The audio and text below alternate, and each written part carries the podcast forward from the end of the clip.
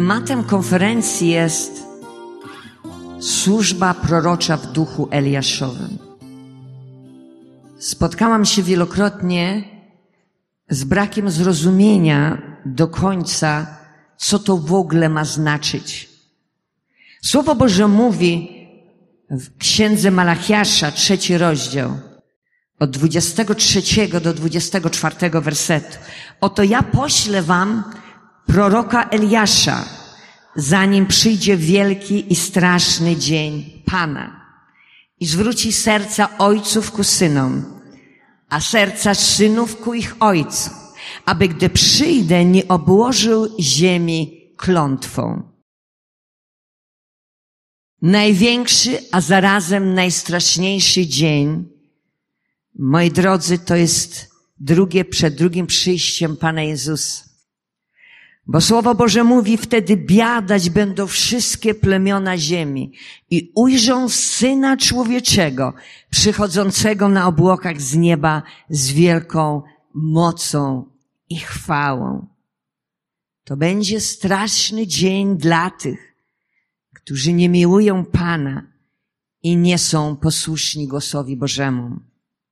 Apostoł Jan czytamy, że miał wizję tych dni i opisuje w ten sposób. I wszyscy królowie ziemi, i możnowładcy, i wodzowie, i bogacze, mocarze, i wszyscy niewolnicy, i wolni ukryli się w jaskiniach i w skałach górskich. I mówili do gór i skał, padnijcie na nas i zakryjcie nas przed obliczem tego, który siedzi na tronie i przed gniewem baranka, albowiem nastał ów wielki dzień i gniewu i któż się może ostać?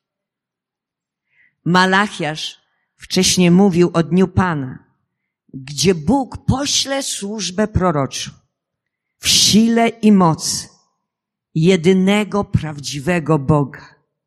Słowo Eliasz w tym tekście ma znaczenie z hebrajskiego Eliach. Oznacza mocny, silny, będący poświęcony. I to jest imię dla prawdziwego Boga Jehowa. Przed pierwszym przyjściem Pana Jezusa widzimy, że anioł Gabriel ukazał się Zachariaszowi, ojcu Jana Chrzciciela i uwalnia słowo o powołaniu swojego syna.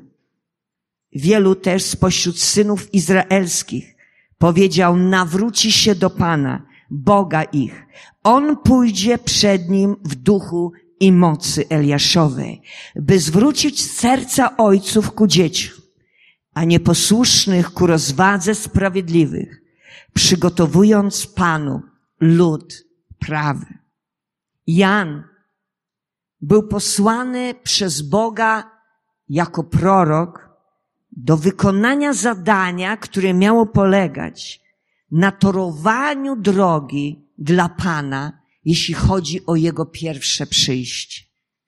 Miał od Boga przesłanie jako brzemię masa, które Bóg włożył do jego serca, aby odwracać serca dzieci Izraela z powrotem do Boga, do głębokiej relacji z żywym Bogiem.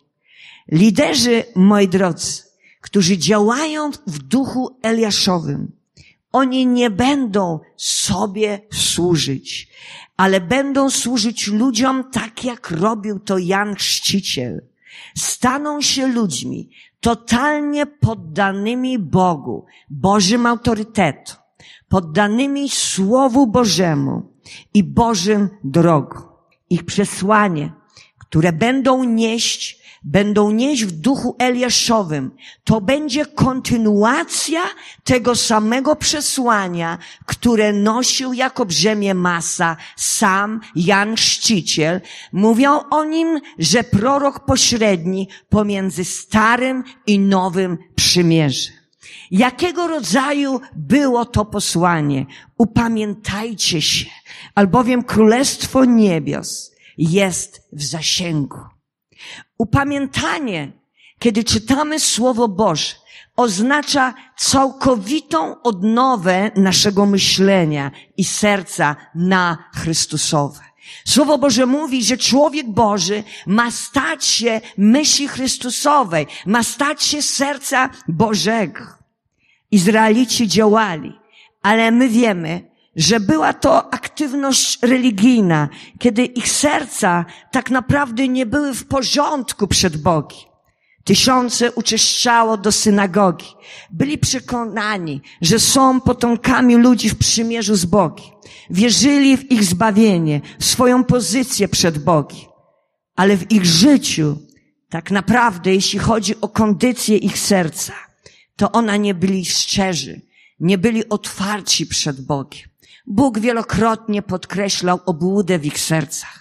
Bóg wzbudził proroka Jana Chrzciciela, aby przez proklamację proroczego słowa pokazać im, wejrzeć w ich serca przez dary prorocze, mieć wgląd w ich serca i pokazać im właściwą kondycję ich serc przynieść ich do miejsca pełnej świadomości, że nie są w porządku z Bogiem. Potrzebują zrobić tak zwane święte porządki w swoim życiu. Dzisiaj charakter służby proroczej nie zmienił się. Ponieważ Słowo Boże mówi, że Bóg wzbudzi proroków w tych czasach końca końców, którzy będą działać w mocy Eliaszowej. Co to znaczy? Główne zadanie tej służby będzie wgląd w serca drugiego człowieka. Słowo Boże mówi, Ewangelia Łukasza, trzeci rozdział od siódmego do ósmego wersetu. Plemię żmijowe, kto wam poddał myśl, aby uciekać przed przyszłym gniewem. Wydawajcie więc owoce godne upamiętania, a nie próbujcie wmawiać w siebie. Ojca mamy Abrahama. Powiadam wam bowiem, że Bóg może z tych kamieni wzbudzić dzieci Abrahamowe. Dzisiaj widzimy niepokojące zjawiska, które dzieją się w ciele Jezusa Chrystusa. Słowo Boże przestrzega nas o problemie zwiedzenia, które będzie narastało. Powstają fałszywe doktryny, które przynoszą komfort do serc ludzkich, gdzie zgadzają się z rzeczami, z którymi nigdy nie powinny się zgodzić. Jest to rozwodniona Ewangelia. Jest to głoszenie czegoś, co nazywamy łechce ucho człowieka. Ale Słowo Boże daje nam zupełnie inny obraz służby proroczej. Jan nie starał się być ani popularny, ani nie starał się schlebiać nikomu, którzy byli na spotkaniach. On po prostu miał całkowitą pasję dla swojego Boga. Starałby się, starał się być totalnie i konsekwentnie wierny w przekazie, który otrzymywał od Boga. To przesłanie, które Bóg położył na jego sercu, mówiło o pokucie i w ostateczności doprowadzało ludzi do krztu upamiętania. Ludzie godzinami podróżowali na pustyni, aby usłyszeć jego głoszenie. Jan Chrzciciel wypełnił Eliasza proroctwo. Słowo Boże mówi, głos się odzywa. Przygotujcie na pustyni drogę pańską. Wyprostujcie na stepie ścieżkę dla Boga naszego. Każda dolina niech będzie podniesiona, a każda góra i pagórek obniżone. To, co nierówne, niech będzie wyrównane, a strome zbocza niech staną się doliną. I objawi się chwała Pańska i ujrzy to wszelkie ciało pospołu, gdyż usta Pana to powiedziały. Jeśli Słowo Boże mówi, a to jest prawdą, całkowitą niepodważalną, że Pan Jezus przyjdzie po Kościół pełen chwały, to zanim On przyjdzie Kościół, to co dzisiaj Duch Boży prorokował, musi się przygotować.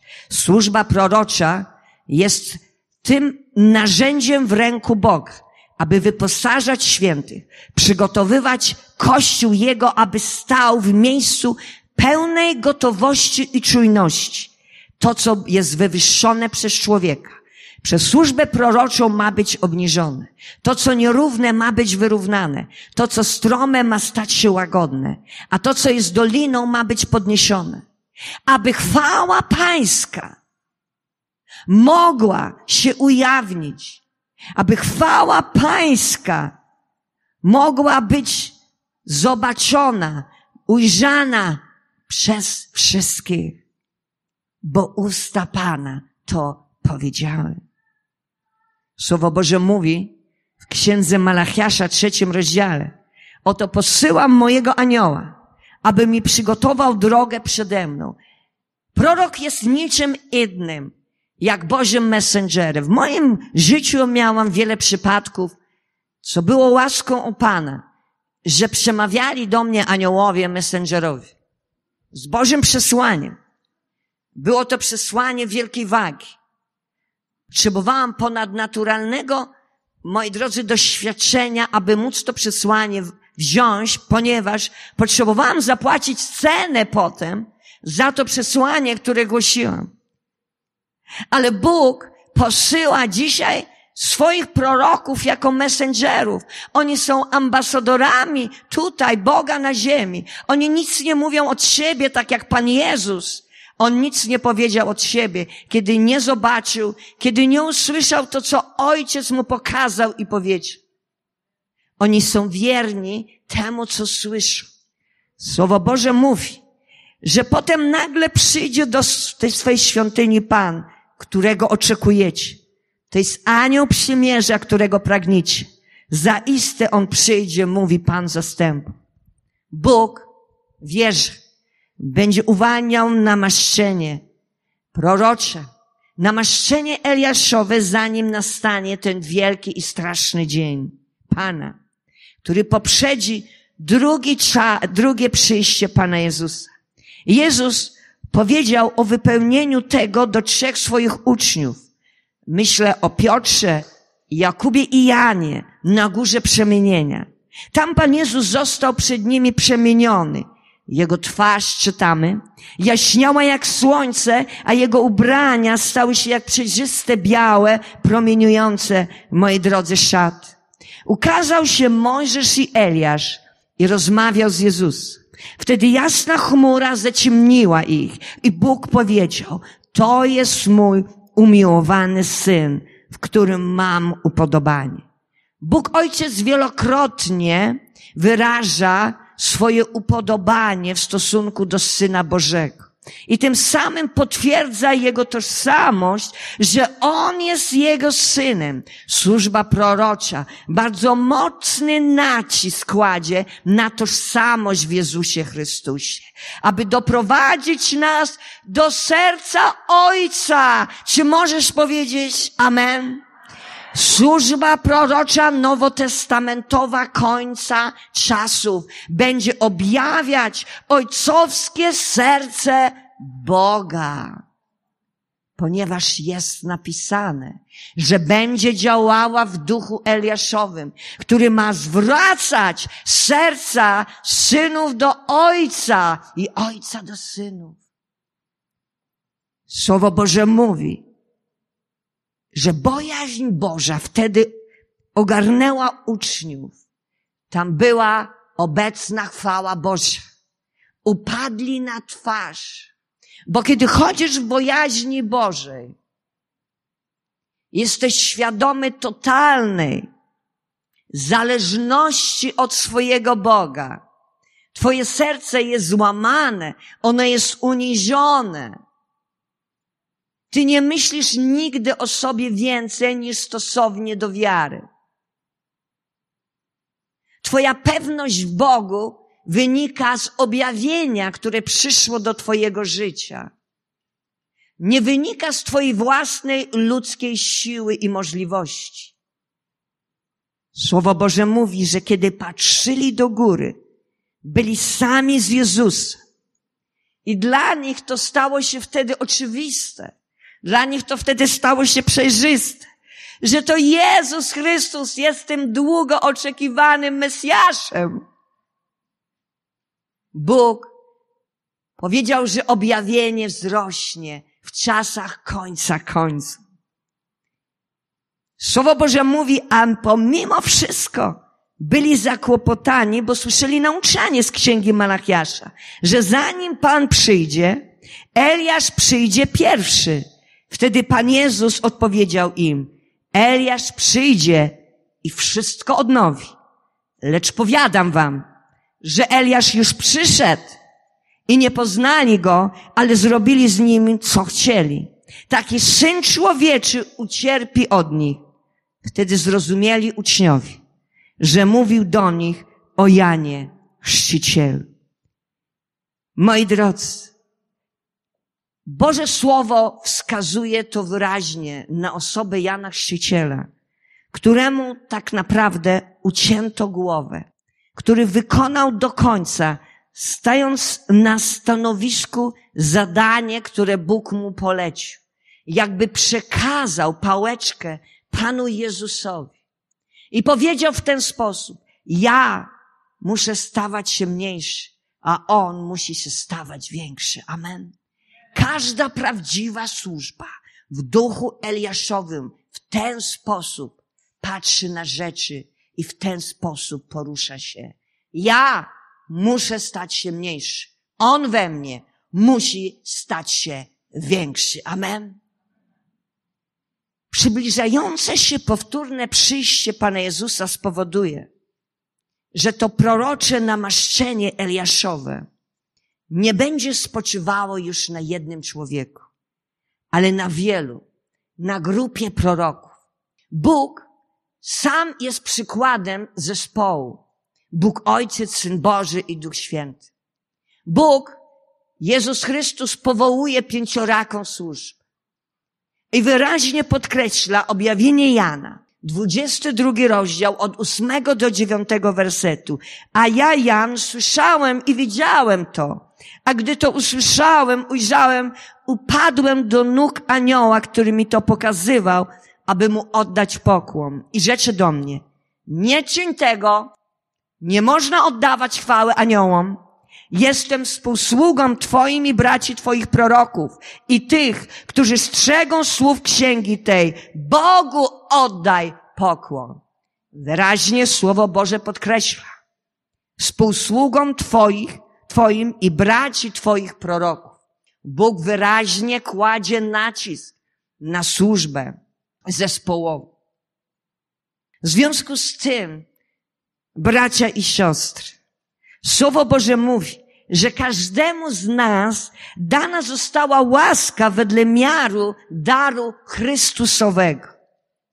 Dlatego powiedział, wstąpiwszy na wysokość, powiódł za sobą jeńców i ludzi darami obdarzył. A to, że wstąpił, cóż innego oznacza, aniżeli to, że wpierw wstąpił do podziemi. Ten, który wstąpił, to ten sam, co i wstąpił, wysoko ponad wszystkie niebiosa, aby napełnić wszystko. I on ustanowił jednych apostołami, drugich prorokami, innych ewangelistami, a innych pasterzami i nauczycielami. Jezus, największy prorok, ustanawia służby, które mają działać w zespole, czego przykładem między innymi jest zbór w Antiochii, 13 rozdział dziejów apostolskich od pierwszego do trzeciego wersetu. Eliaszowi prorocy będą ogłaszać przesłanie podobne do Jana Chrzciciela. Dlatego na początek chciałam zwrócić mocno uwagę na przesłanie, które właśnie głosił Jan Chrzciciel. Służba prorocza będzie szukać zgubionych i zwiedzionych owiec w kościele. Będzie interweniować, jeśli chodzi o owce, o wilki w owczej skórze. Będzie rozpoznawać wilki w owczej skórze. Będzie rozpoznawać fałszywą doktrynę, będzie rozpoznawać błędy doktrynalne, błędy w interpretacji, błędy w objawieniu. Moi drodzy, będzie stawiać w pionie rzeczy, będzie rozdzielać przez słowo objawione prorocze, co to jest ciała, co jest duszy, co jest ducha.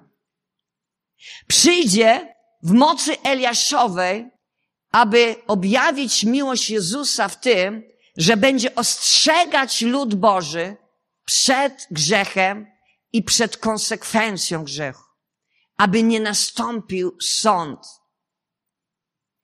Będzie udzielać z namaszczenia, które zostało im udzielone. Będzie rozpoznawać to namaszczenie, będzie rozpoznawać obdarowanie, jeśli chodzi o dary Ducha Świętego. Będzie uczestniczyć w powoływaniach służb razem z prezbiterium.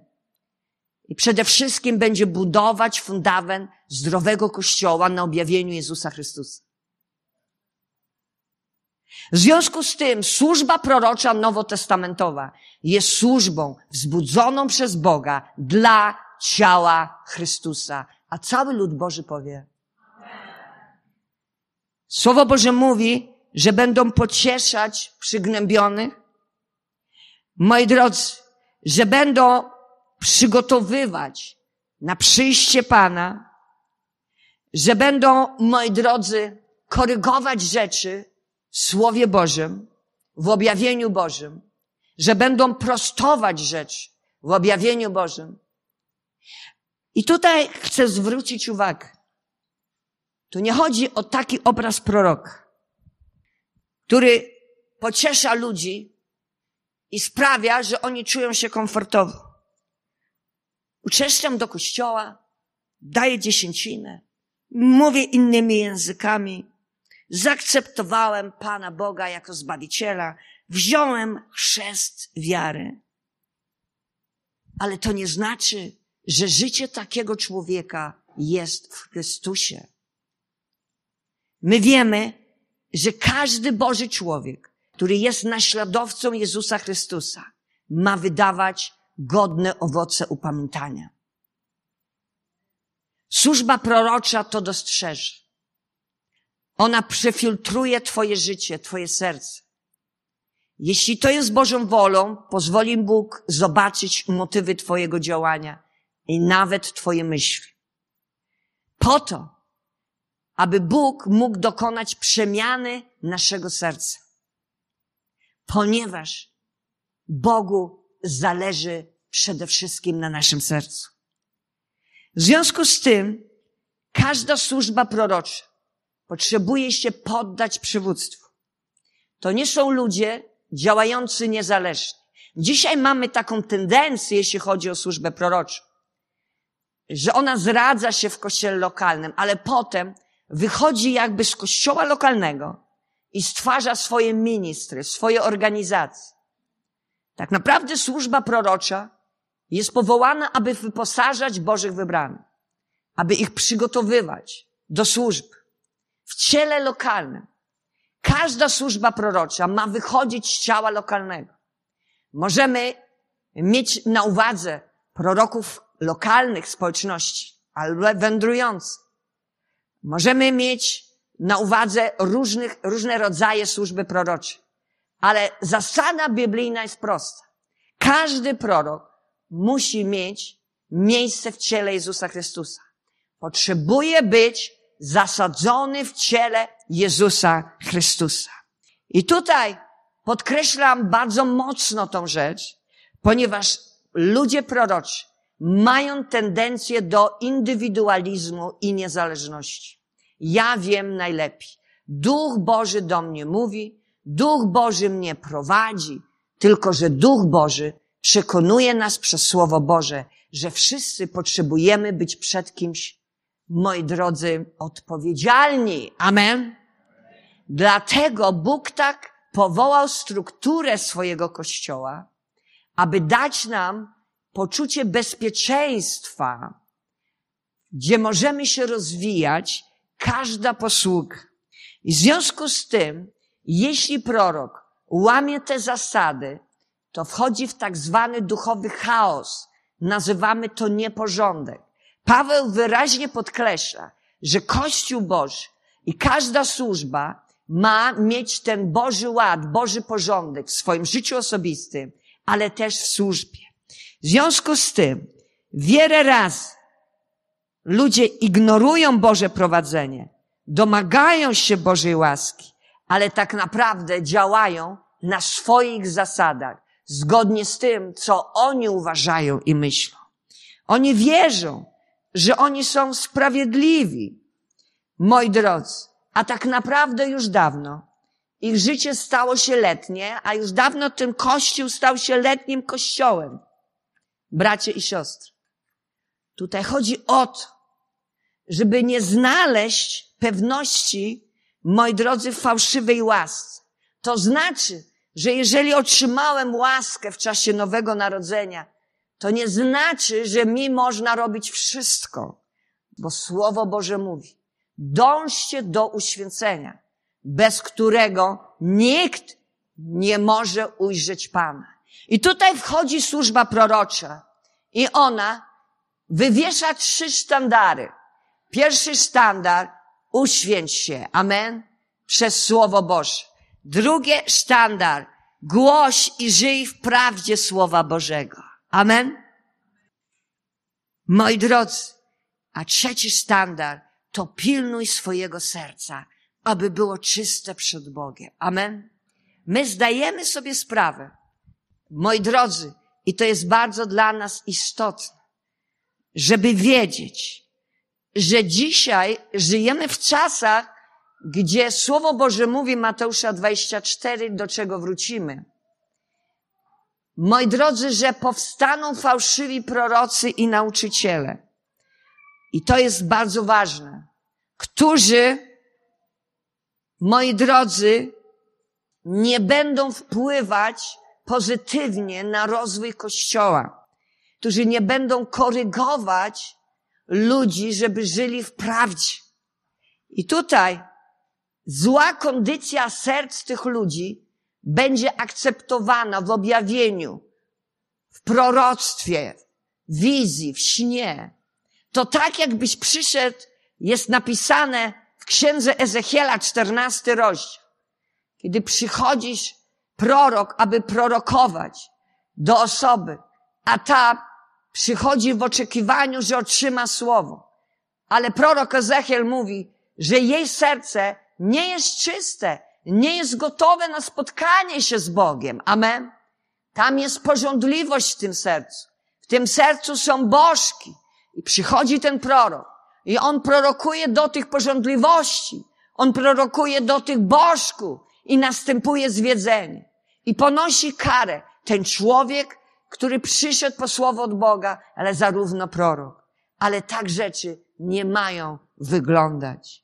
Bo kiedy przychodzi człowiek w autorytecie i on, moi drodzy, pobłaża złej kondycji serca w życiu człowieka, krew tego człowieka jest na jego rękach. Zwróćcie uwagę.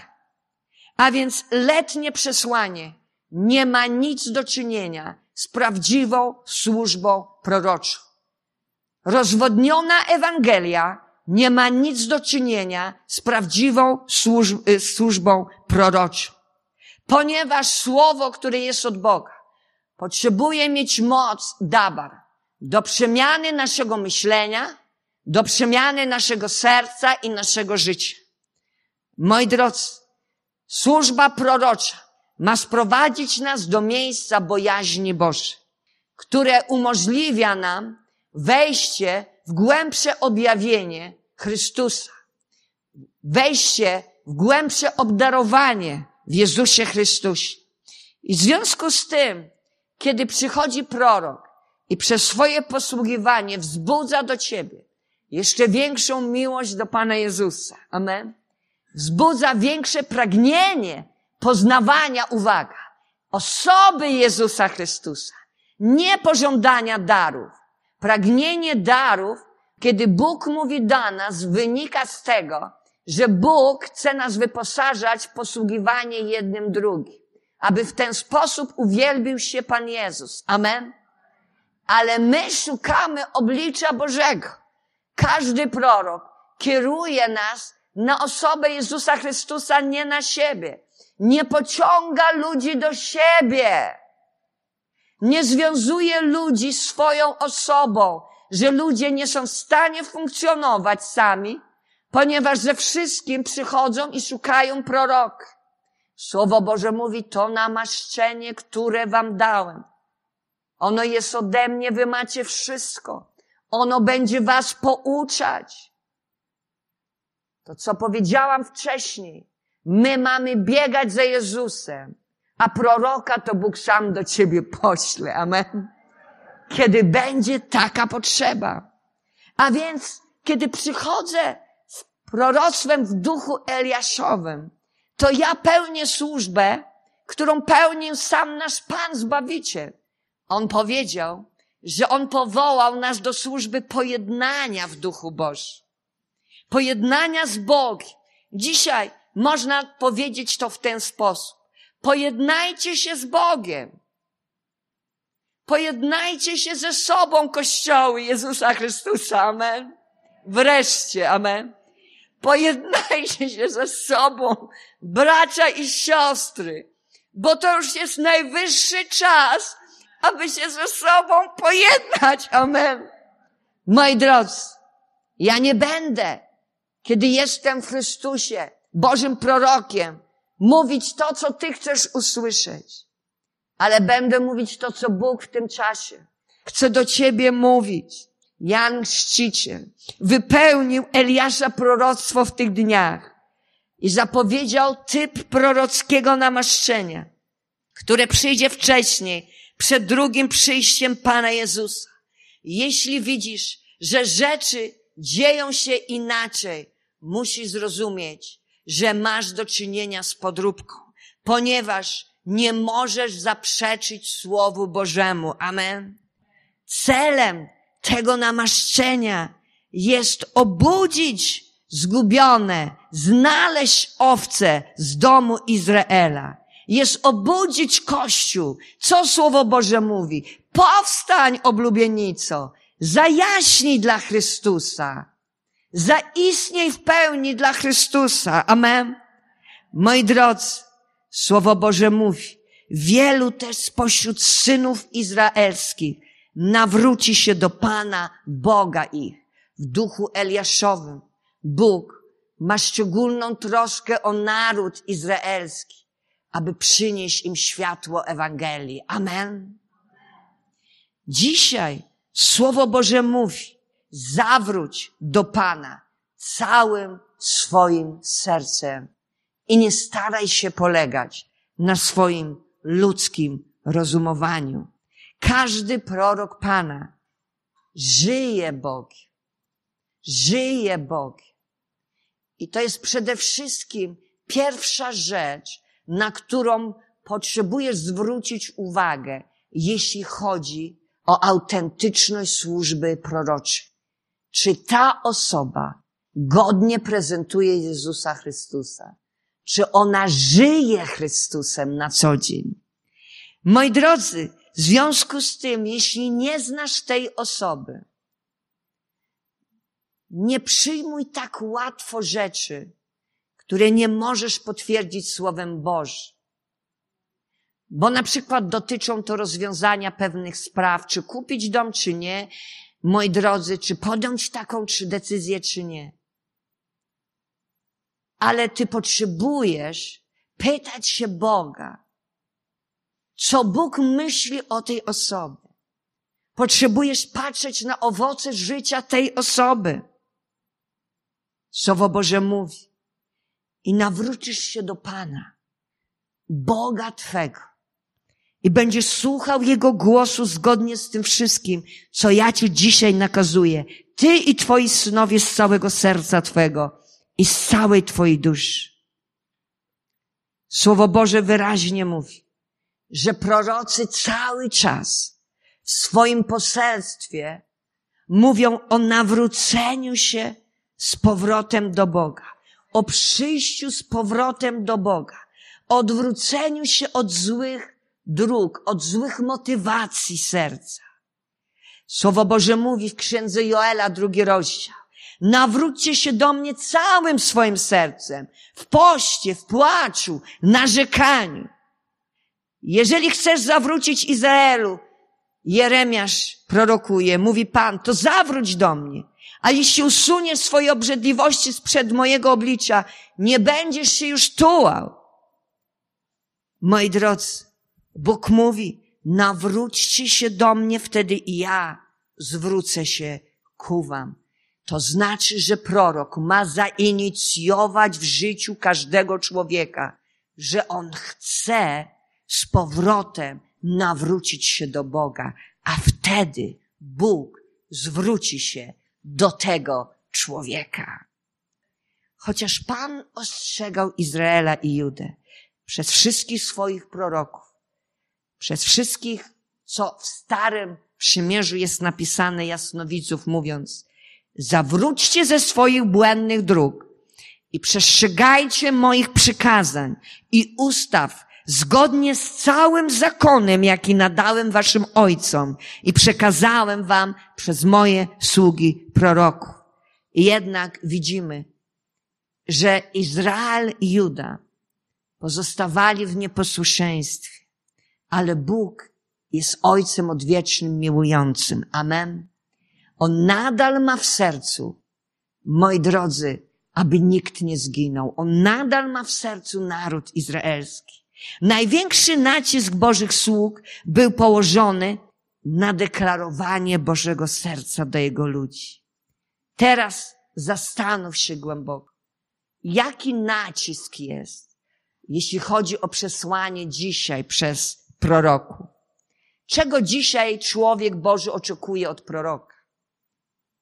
Czego dzisiaj Kościół oczekuje od proroka? Traktuje się wielokrotnie proroków jak wróżbiarzy, którzy mają przypowiadać przyszłość. Co prawda Słowo Boże mówi, że namaszczenie prorocze i urząd prorok przepowiadają rzeczy, które mają nastąpić. Ale wyraźnie podkreśla wielokrotnie, że głównym naciskiem służby proroczej jest stan serca człowieka. W związku z tym potrzebujemy zrozumieć, że prorok, moi drodzy, działa zgodnie z tym, jak Duch Święty go prowadzi. Wielu wierzących w ten sposób myśli, że prorok, który chodzi pod namaszczeniem, to może włączyć prorockie namaszczenie i wyłączyć. To jest absurd. Ale czasami pod naciskiem ludzi, że oni chcą, żeby do nich prorokować, wielokrotnie niestety mamy do czynienia z tak zwanym nadużyciem, prorokowaniem z duszy. Ponieważ kiedy Bóg chce przemówić, to jest inna sytuacja. On staje sam za tym słowem. I tutaj my widzimy, że duchy proroków są poddane prorokom. I wiele ludzi myśli w ten sposób, że jeżeli tak jest napisane, to prorok w każdej chwili może prorokować. Ale tak nie jest. On prorokuje wtedy, kiedy Duch Boży tego chce. Ponieważ proroka prowadzi Duch Święty. Amen. Najlepszą rzeczą, jaką zrobisz, to przyjdziesz do Pana i poprosisz, Panie, czy możesz dzisiaj przemówić do mnie? Amen. Może Bóg Ciebie zaskoczy i właściwie nie przemówi przez proroka, ale przez Twojego brata i siostrę, ponieważ on ma DNA prorocze. Amen. A może przemówi do Ciebie w inny sposób. Słowo Boże mówi, że człowiek Boży musi żyć w świadomości, że to Bóg do niego mówi, a nie człowiek. Amen. Kiedy człowiek żyje w świadomości, że Bóg do niego mówi, nigdy nie uczyni sobie z narzędzia Boga bożka. W związku z tym posłaniec, Słowo Boże mówi, nie ustala, co ma mówić Bóg, ale on jest po prostu posłusznym sługą, mówiącym to, co Duch Święty poddaje, to, co chce. Słowo Boże mówi z inspiracji Ducha Świętego. I tu, moi drodzy, uważajmy, aby nasze myślenie nie doprowadziło nas do miejsca zwiedzenia. A wszystko to sprawia jeden i ten sam duch, Słowo Boże mówi, rozdzielając poszczególnie każdemu jak chce. Jeden pastor, on narzekał, że przez dwa spotkanie prorok przyjechał i nie dał nikomu osobistego proroctwa. Mówi do tego proroka, ale wiesz, tutaj ludzie nastawili się, że ty będziesz do nich prorokował osobiste proroctwo. Ale, moi drodzy, nie zrozumiał jednej rzeczy, że Duch Święty chciał uwolnić przesłanie prorocze do całego zboru. Amen. To jest proroctwo do całego zboru, a jednocześnie do każdego życia na ten czas.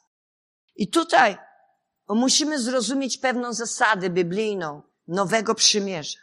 Ja chciałabym wszystkich nas zaprosić do dziejów apostolskich, do rozdziału 15, gdzie tam jest napisane w ten sposób.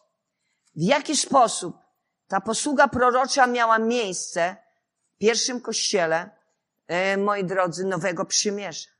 Jest napisane, że postanowiliśmy jednomyślnie posłać do was wybranych mężów, 25 werset 15 rozdziału, z umiłowanym naszym Barnabą i Pawłem, ludźmi, którzy oddali swoje życie dla imienia Pana naszego Jezusa Chrystusa.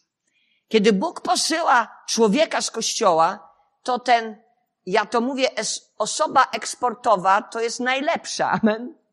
Dzisiaj my się obawiamy, a kto to będzie w tym miejscu, na jego miejsce, tak? Ja mówię moim liderom, wy naprawdę pracujcie i przygotowujcie ludzi na swoje miejsce, tak?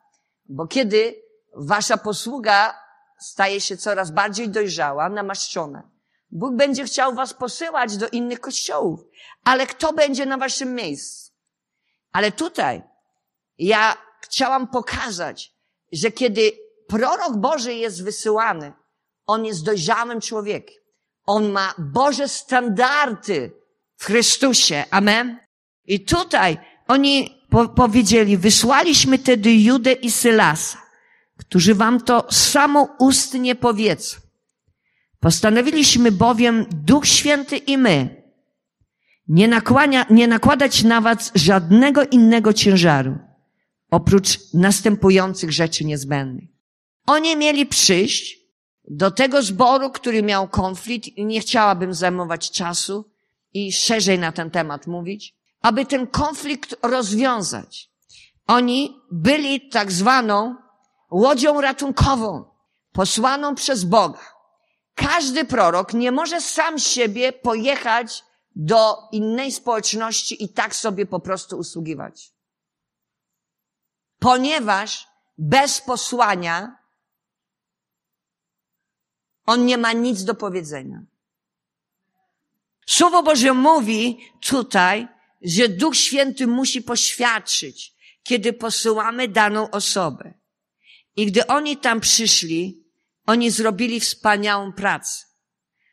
Przyszli z listem polecającym. I zbór zgromadził się. Gdy go przeczytali, uradowali się zachęcającą treścią.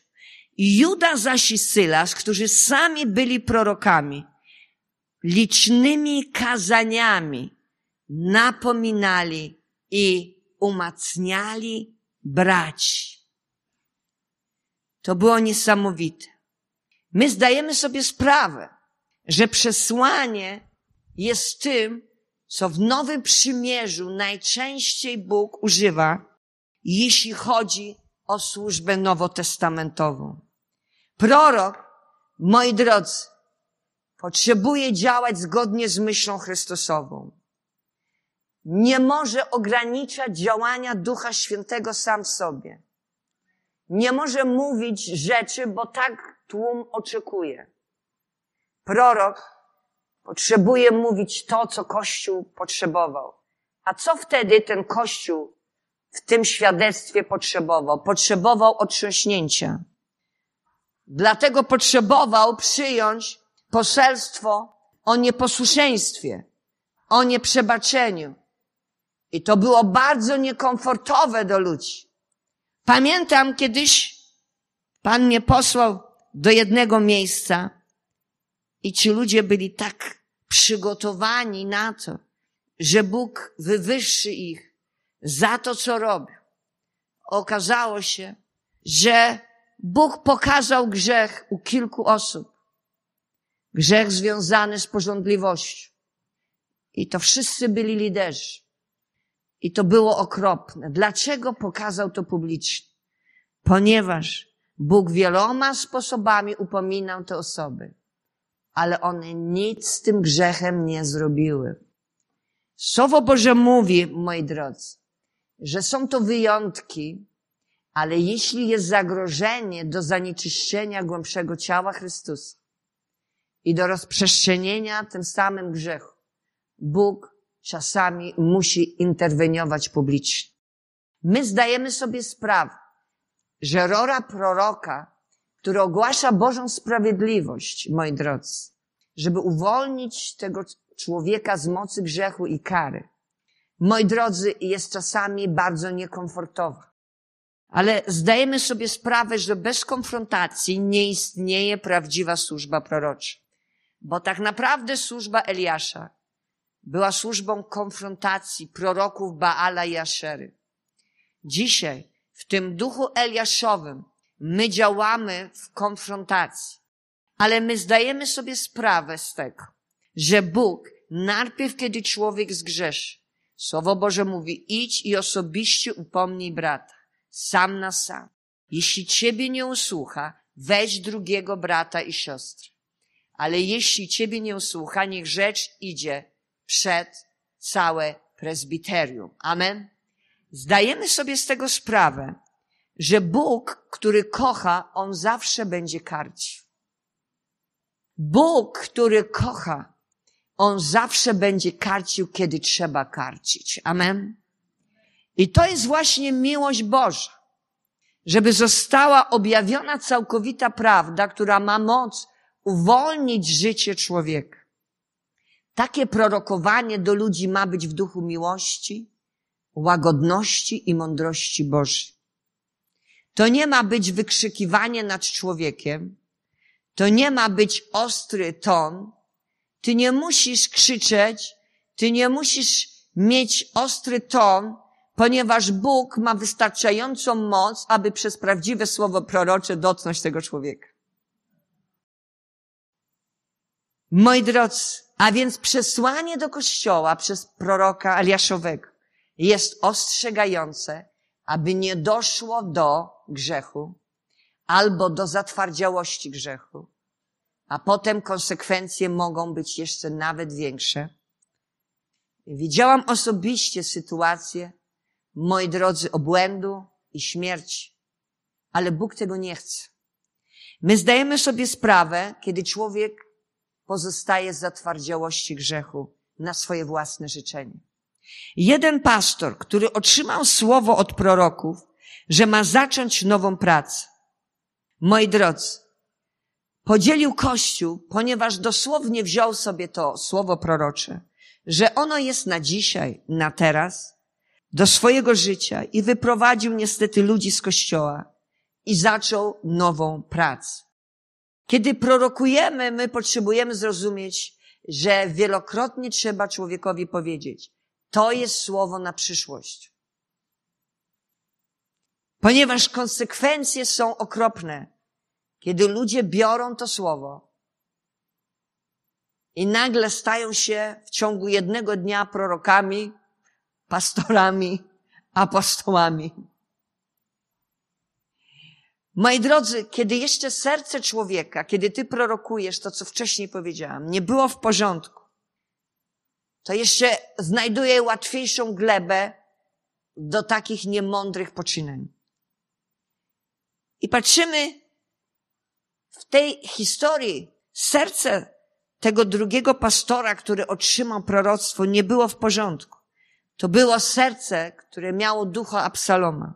On tak naprawdę pociągał już, kiedy był w kościele ludzi do siebie. To proroctwo tylko spowodowało to, że usłyszał to, co sam chciał usłyszeć już dawno i zaczął w tym duchu działać. Ludzie, musimy uważać. Za wszelką cenę szukają darów i manifestacji, a niestety zaniedbują Boży charakter. Prawdziwa służba prorocza ostatnich dni będzie kontynuacją służby Jana Chrzciciela. To jest wzywanie do zmiany życia ludzi. To jest zwrócenie ich serca do Ojca. To jest głoszenie, które nazywam twardą mową. To jest głoszenie, kiedy rzeczy stawia się w pionie. Tak, nie. To jest ogłaszanie Bożych wyroków. To jest uderzanie Słowem Bożym, jak młotem. To jest jak Boży ogień w Słowie objawionym, który roztrzaskuje wszystko i zabiera wszystko, co nie jest Bogiem. To jest zgromienie rzeczy, które nie mają prawa być. To jest nakazywanie rzeczom w aktach proroczych, które mają przestać istnieć i powoływanie do życia jako moc twórcza słowa proroczego, które jest nad życiem proroka, żeby zaistniało. Powoływanie do bytu to, co już nie istnieje, aby znowu zaistniało. Słowo Boże mówi, to ma wypływać z miłości do Boga i do człowieka. Nie możesz być prorokiem Eliaszowym, kiedy nie kochasz ludzi. To jest rzeczą niemożliwą, ponieważ będziesz wtedy działał dla zysku, dla pozycji, dla sławy. Prorocy, którzy szukają uznania czy nagrody u człowieka, popadają naprawdę w kłopoty. Słowo Boże mówi, prawda, która została objawiona przez Ducha Bożego, przez proroka, ma uczynić siebie człowiekiem wolnym, a nie zniewolić siebie jeszcze bardziej w grzechu, czy z tą osobą, która posługuje Tobie. Prorok nie da się kupić, ponieważ on już zna swoją nagrodę w niebie, gdzie żaden mól, ani nic, ani złodziej nie dosięgnie tego. Słowo Boże mówi, że wielokrotnie, kiedy prorok prorokuje, jest to słowo warunkowe. Kiedy człowiek nie dopełnia warunków tego słowa. Wielokrotnie proroctwo nie może się stać. Ale kiedy słowo prorocze nie jest warunkowe, moi drodzy, to ono ma się stać. Ja zdaję sobie z tego sprawę w Bożym czasie. Jesteś osobą, która ma walczyć w oparciu o Boże przepowiednie, jeśli chodzi o to słowo. Bo wielokrotnie słowo wypowiedziane. Słyszysz ty, słyszy Bóg, ale również słyszy wróg. I on będzie robić wszystko, aby nie doszło do realizacji tego słowa w twoim życiu. Dlatego Paweł zachęca Tymoteusza, aby staczał dobry bój wiary w oparciu o przepowiednie, o słowo prorocze, objawione słowo do swojego życia. A więc nie wystarczy otrzymać. Trzeba to zrozumieć, trzeba to przyjąć i trzeba to zastosować. Ale też trzeba o to słowo prorocze się modlić. Amen. To słowo prorocze ma zbliżyć Ciebie do Jezusa. Ma pociągnąć Ciebie do szukania oblicza Bożego. To Słowo Boże ma Ci przypominać o miłości Jezusa do Ciebie.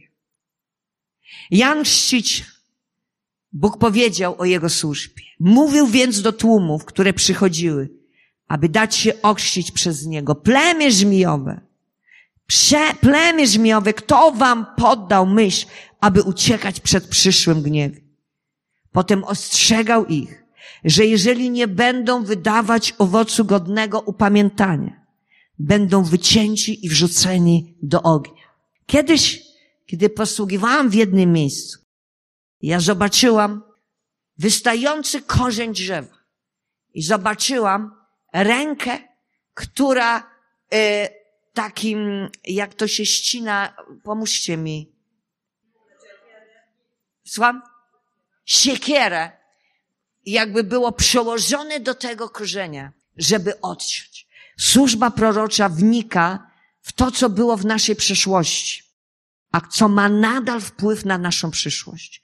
Ona odcina te rzeczy mocą objawionego słowa. Ona ustanawia w to miejsce rzeczy, które są wolą Boga. Ono ściąga wolę Boga tam z nieba, tutaj na ziemię, aby stało się. Następnym takim szyldem służby proroczej to jest szukanie woli Boga i ustanawianie woli Boga tutaj na ziemi. A więc, moi drodzy, Słowo Boże mówi, wiele też innych dał napomnień i zwiastował ludowi dobrą nowinę. Każde słowo prorocze jest zachętą, zbudowaniem, a jednocześnie napomnieniem, a jednocześnie korygowaniem, a jednocześnie, moi drodzy, ostrzeżeniem. Słowo Boże mówi, a także letni, a nie gorący, ani zimny, to wypluje ciebie z ust moich. Kiedy przyjeżdżasz na konferencję proroczą, jaki charakter mają te konferencje? Czy to naprawdę jest wzorzec służby proroczej w duchu Eliaszowym? Czy są to prorocy, którzy byli w dniach Jeremiasza czy Ezechiela, którzy prorokowali pokój, gdzie wcale pokoju nie było? Prorokowali powodzenie, którego wcale nie było. Prorokowali wygranie bitew, które tak wcale Izrael nie wygrał. Moi drodzy, nie robili nic, aby zbliżyć serca ludzi do Boga. A Słowo Boże mówi, wielokrotnie i wieloma sposobami przemawiał Bóg dawnymi czasy do ojców przez proroków. Ostatnie okresu tych dni przemówił do nas przez Syna, którego ustanowił dziedzicem wszech rzeczy, przez którego teraz wszechświat stworzył. Bóg przemawia przez Ducha Bożego do nas. Amen. Ducha Chrystusowego. Moi drodzy, to jest nacisk na reprezentowanie Jezusa godnie. Amen. Na godne prezentowanie Boga w służbie. Moi drodzy, to jest nacisk na mówienie za kogoś w imię Boga. Amen. Tu nie jest nacisk na przepowiadanie, bo my wiemy, że przyszłość nasza należy do Pana. Amen. W księdze Jeremiasza czytamy słowo prorocze, że Bóg ma dla nas nadzieję, że On przygotował dla nas wspaniałą przyszłość. Słowo Boże mówi w Ewangelii Jana, dwunasty rozdział, bo ja nie siebie samego mówiłem, ale Ojciec, który mnie posłał. On mi rozkazał, co mam powiedzieć i co mam mówić. Prorok jest rzecznikiem samego Boga. Tutaj na ziemi uwalnia dokładnie słowo króla, ale uwalnia też jego serce. Przesłaniu Bożym, zwróć uwagę, widać, odczuwać serce możesz Boga. Posłaniec ma przynieść przesłanie, tak jakby sam król to zrobił. To przesłanie nie jest sprzeczności Słowem Bożym. Nie omija Słowa Bożego. Nie zastępuje Słowa Bożego. Nie przeskakuje Słowa Bożego. Nie przekreśla Słowa Bożego. Ono zawsze jest potwierdzone Słowem Bożym. Słowo, które Agabus dał do kościoła w Antiochii, o wielkim głodzie, który przychodzi na ziemi. Może być czasami to słowo, które nie może być potwierdzone przez rozdziały i wersety. Dopiero widzimy prawdziwość tego słowa, kiedy ono się wypełni. Czytamy w dziejach apostolskich, jedenasty rozdział, dwudziesty siódmy do dwudziestego ósmego wersetu. W owym to czasie przyszli do Antiochii prorocy z Jerozolimy. I powstał jeden z nich imieniem Agabus i przepowiedział natkniony przez ducha, że nastanie głód wielki na całym świecie. I nastał też głód za Klaudiusza. Również dotyczy to ostrzeżenia Pawła, że Żydzi wydadzą go w ręce Boga. Czytamy, a gdy przez dłuższy czas tam pozostawaliśmy, nadszedł z Judei pewien prorok imieniem Agabus i przyszedłszy do nas wziął pas Pawła, związał sobie nogi i ręce i rzekł, to mówi Duch Święty, męża, do którego ten pas należy, tak oto zwiążą Żydzi w Jerozolimie i wydadzą go w ręce pogan. Bardzo łatwo w tego typu proroctwach może dojść do podróbki. Może to być słowo indywidualne lub grupowe, które trudno potwierdzić, orzec, czy to jest słowo Boże. Może to przyjść przesłanie z duszy. Może to być przesłanie z ducha imitującego, tak zwanego znanego. To jest duch wróżebny, boski. Jeśli nie będzie to skonfrontowane, zanieczyści to ludzi. Potrzebujemy czekać na, moi drodzy, wypełnienie tego słowa. Jeśli nie mamy do niego pewności, odkładamy go na półkę. Bo jeśli jest to słowo korekty czy nagany, nigdy pochopnie nie możesz go odrzucić. Możesz odrzucić słowo tylko pochlebstwa. Bo jeśli to słowo rzeczywiście było z Boga, może to spowodować, że jeśli to odrzucić, może to ciebie dużo kosztować. Tak mówi Pan zastępów. Nie słuchajcie słów proroków, którzy wam prorokują. Oni was tylko mamią, widzenia swojego serca zwiastują, a nie to, co pochodzi z ust Pana. Słowo Boże mówi, wzbudzę im proroka spośród ich braci, takiego jak wy. Włożę moje słowa w jego usta i będzie mówił do nich wszystko, co mu rozkaże. I niech tak się stanie